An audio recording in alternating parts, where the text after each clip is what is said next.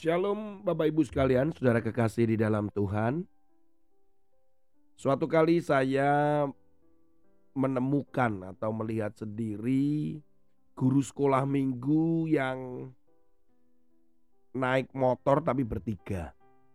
Saat itu ketika saya melewati sebuah gang dan berpapasan dengan mereka, wow, mereka ketakutan ya karena saya ketua sekolah minggu waktu itu.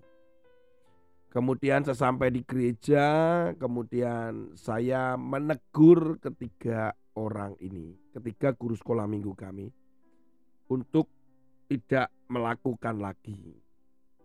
Dan tentunya bukan karena saya tidak suka dengan mereka, tetapi lebih kepada pertimbangan melanggar itu hal yang tidak baik.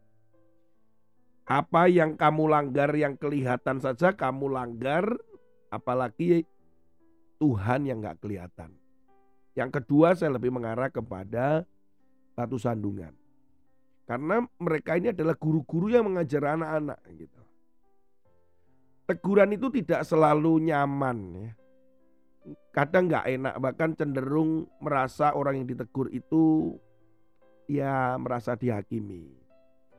Tetapi firman Tuhan hari ini tentang teguran itu terambil dalam Amsal pasal 25 ayat 12. Teguran orang yang bijak adalah seperti cincin. Cincin emas dan hiasan kencana untuk telinga yang mendengar. Saudara, teguran orang bijak. Siapa yang menegur kita? Memang tidak sembarangan ya, tetapi orang yang menegur kita kemudian apakah kita benar-benar mendengarkan atau tidak?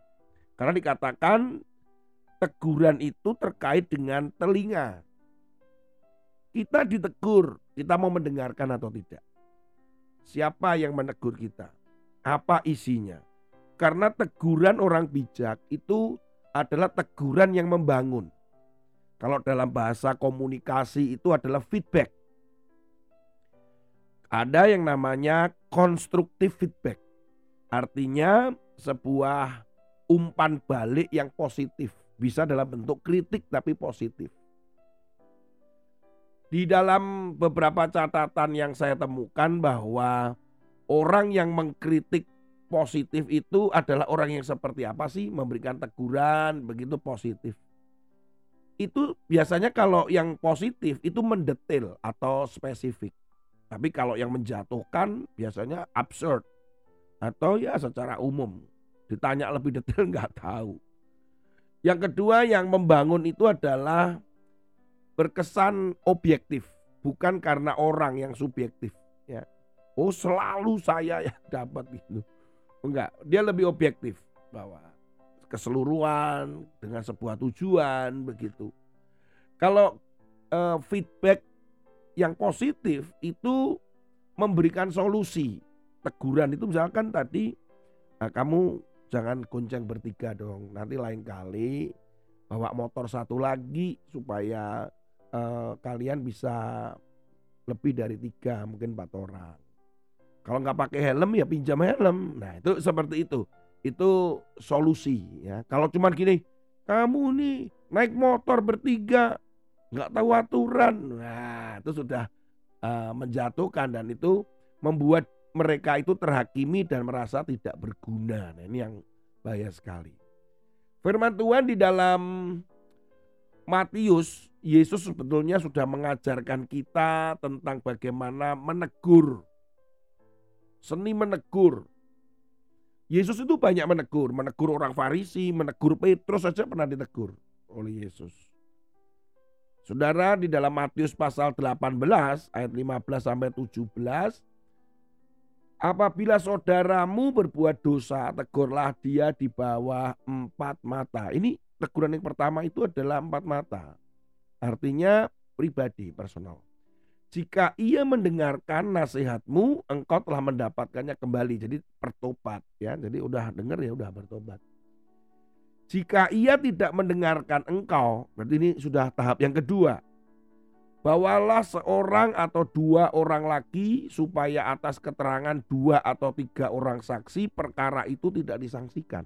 Jadi yang kedua melibatkan lebih dari dua atau tiga orang sebagai saksi.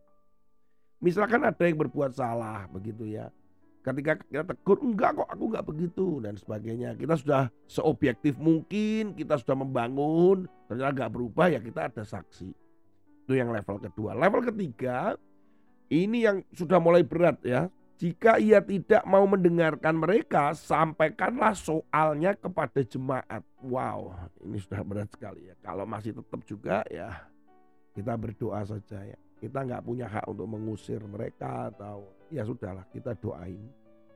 Tetapi itu seni menegur. Bagaimana kita menegur orang? Tapi sebaliknya kita kalau ditegur, apakah kita orang yang keras kepala? Apakah kita menutup telinga kita? Mari kita introspeksi ketika ada teguran.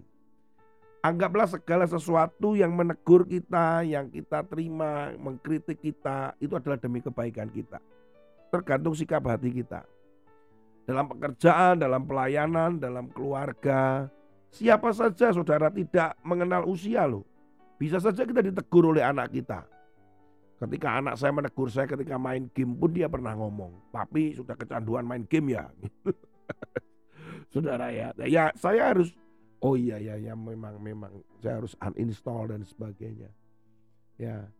Ya itu ada banyak hal yang kita juga harus belajar bahwa uh, teguran itu tidak memandang usia siapa yang menegur, tetapi ketika mereka menyampaikan firman Tuhan itulah orang bijak. Tuhan Yesus memberkati saudara, mari sikap hati kita, bagaimana kita menegur dan bagaimana kita ditegur. Haleluya, amin.